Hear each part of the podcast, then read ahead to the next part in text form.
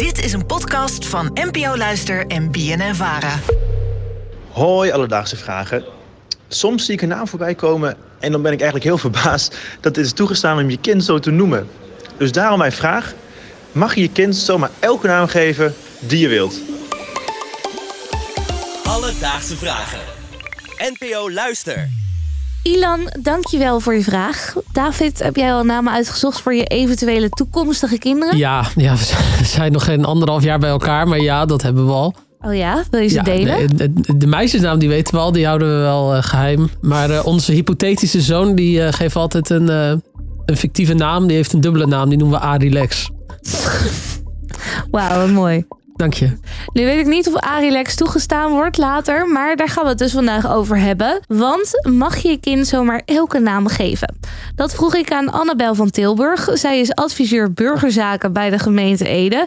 En geeft zelfs cursussen aan gemeenten over wat wel en niet kan bij onder andere het kiezen van een naam. Nou, dat, daar staat eigenlijk niet zo heel veel over in de wet. Hè. Er mag best veel. En dat, eh, ik denk dat je zelf ook wel namen kunt bedenken waarvan je denkt, oké, mag dat? Maar daar, die, waar dan toch iemand mee rondloopt met zo'n naam. Wat in de wet staat, is dat het niet bespottelijk of onwelvoegelijk mag zijn, staat er.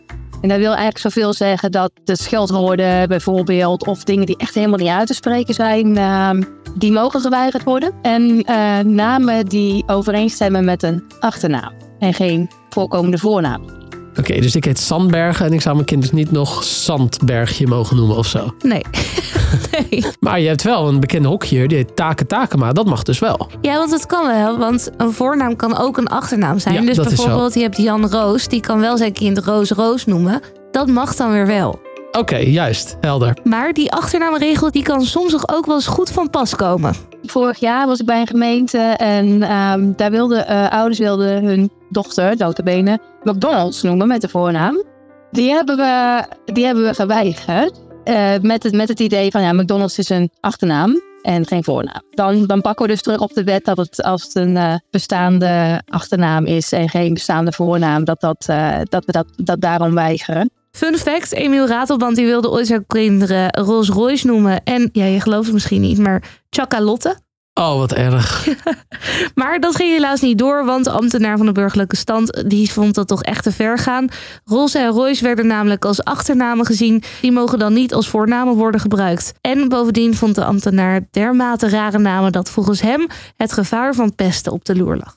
Dat lijkt me een goede inschatting. Deze namen werden allemaal onderschept, maar af en toe glipt er wel eens een naampje doorheen dat zelfs Annabel denkt van, hadden die er echt rond moeten lopen? Ik heb ook een keer een MacGyver gehad. Daar de serie ook echt. Met het eh, zakmes en eh, de rol duct tape, zeg maar, die serie. En dat, die wilden we in eerste instantie weigeren. Maar die bleek ooit al een keer in een andere stad geaccepteerd te zijn. Ehm, dus die hebben we uiteindelijk toch toe moeten laten. In Breda ooit, um, die is ook eh, wel bekend volgens mij. een, een meisje, Tippy Tipper genoemd. Vond ik ook een hele bijzondere eh, naam. Hadden we ook niet eerder gehoord. En naast dat ze dus letten op die voor- en achternamen of dat wel goed klinkt, hebben ze bij burgerzaken ook nog een andere taak. Want ze moeten daar ook letten op het totaalplaatje, zo zegt Annabel. Ouders denken heel erg na over een naam, maar soms helemaal niet over het totaalplaatje. En dan krijg je wat je wel bij, eh, bij een radioprogramma, wat zo'n schaamnamenlijst heeft of vaarnamenlijst heeft, zoals zoiets ziet dat iemand dan Willem Cornelis heet eh, en Pot met zijn achternaam. Ehm, dat soort combinaties. Wij proberen wel ambtenaren aan de burgerstand,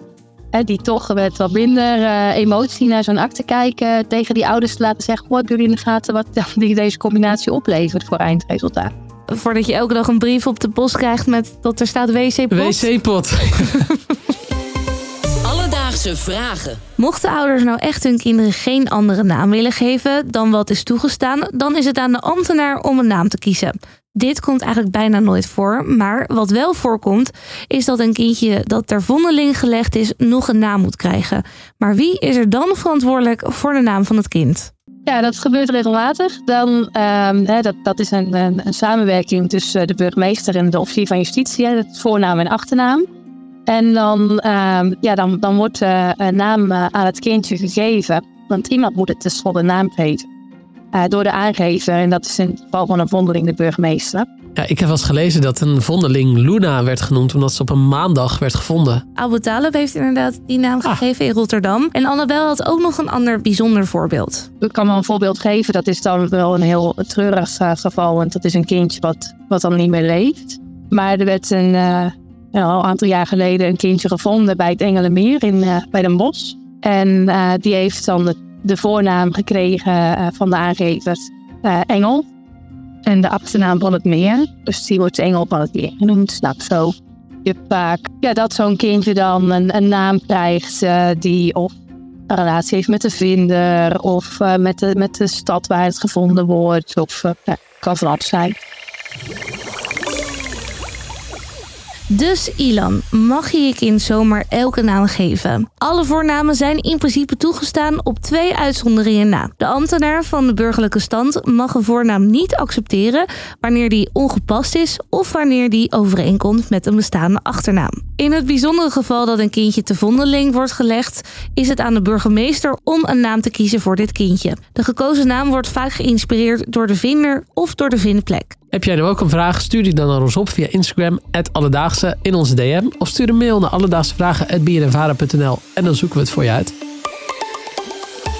Alledaagse Vragen. NPO Luister. BNN Vara.